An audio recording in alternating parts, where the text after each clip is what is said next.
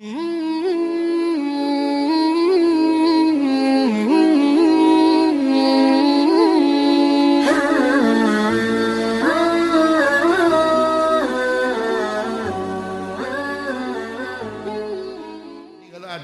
hal yang di luar nalar pikiran manusia, kok ya ono kaya Habib Rizik kaya ngono. Sing jemput tung telung juta. Terus kalau di sini kalau sudah apalagi ini ahlul bait. Ya sudah. Itu dari dulu sudah Allah kalau sudah ingin menunjukkan ahlul bait isputune sopo ngono ngono gampang lah. Dan hak kita dengan ahlul bait itu seperti apa? Jelas. Yutahhiruhum tadhiro sopo enggak ahlul bait? Tadhiro itu maknanya sangat luas. Macam-macam ya, sangat luas. Tadhiro itu seperti apa ya? Kan supaya orang ini tahu keadilan tahu ini. Kok sudah masya Allah bicara keadilan.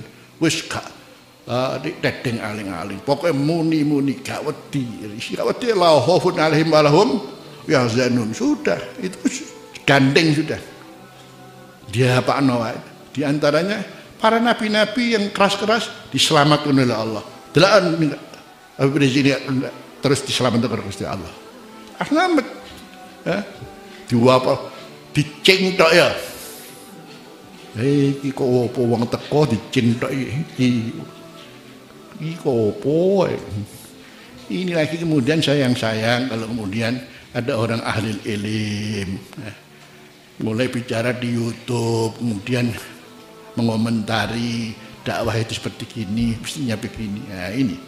Nah, ini yang nah, jadi sebetulnya kalau masalah beda pendapat itu mbok jangan begitu eh. jadi kalau sudah namanya ahlul bait itu jauh ya. Ini ono ahlul bait mana dipari Gusti Allah ujian gendeng. Si ahlul bait apa ya ya ahlul bait masih gendeng ya.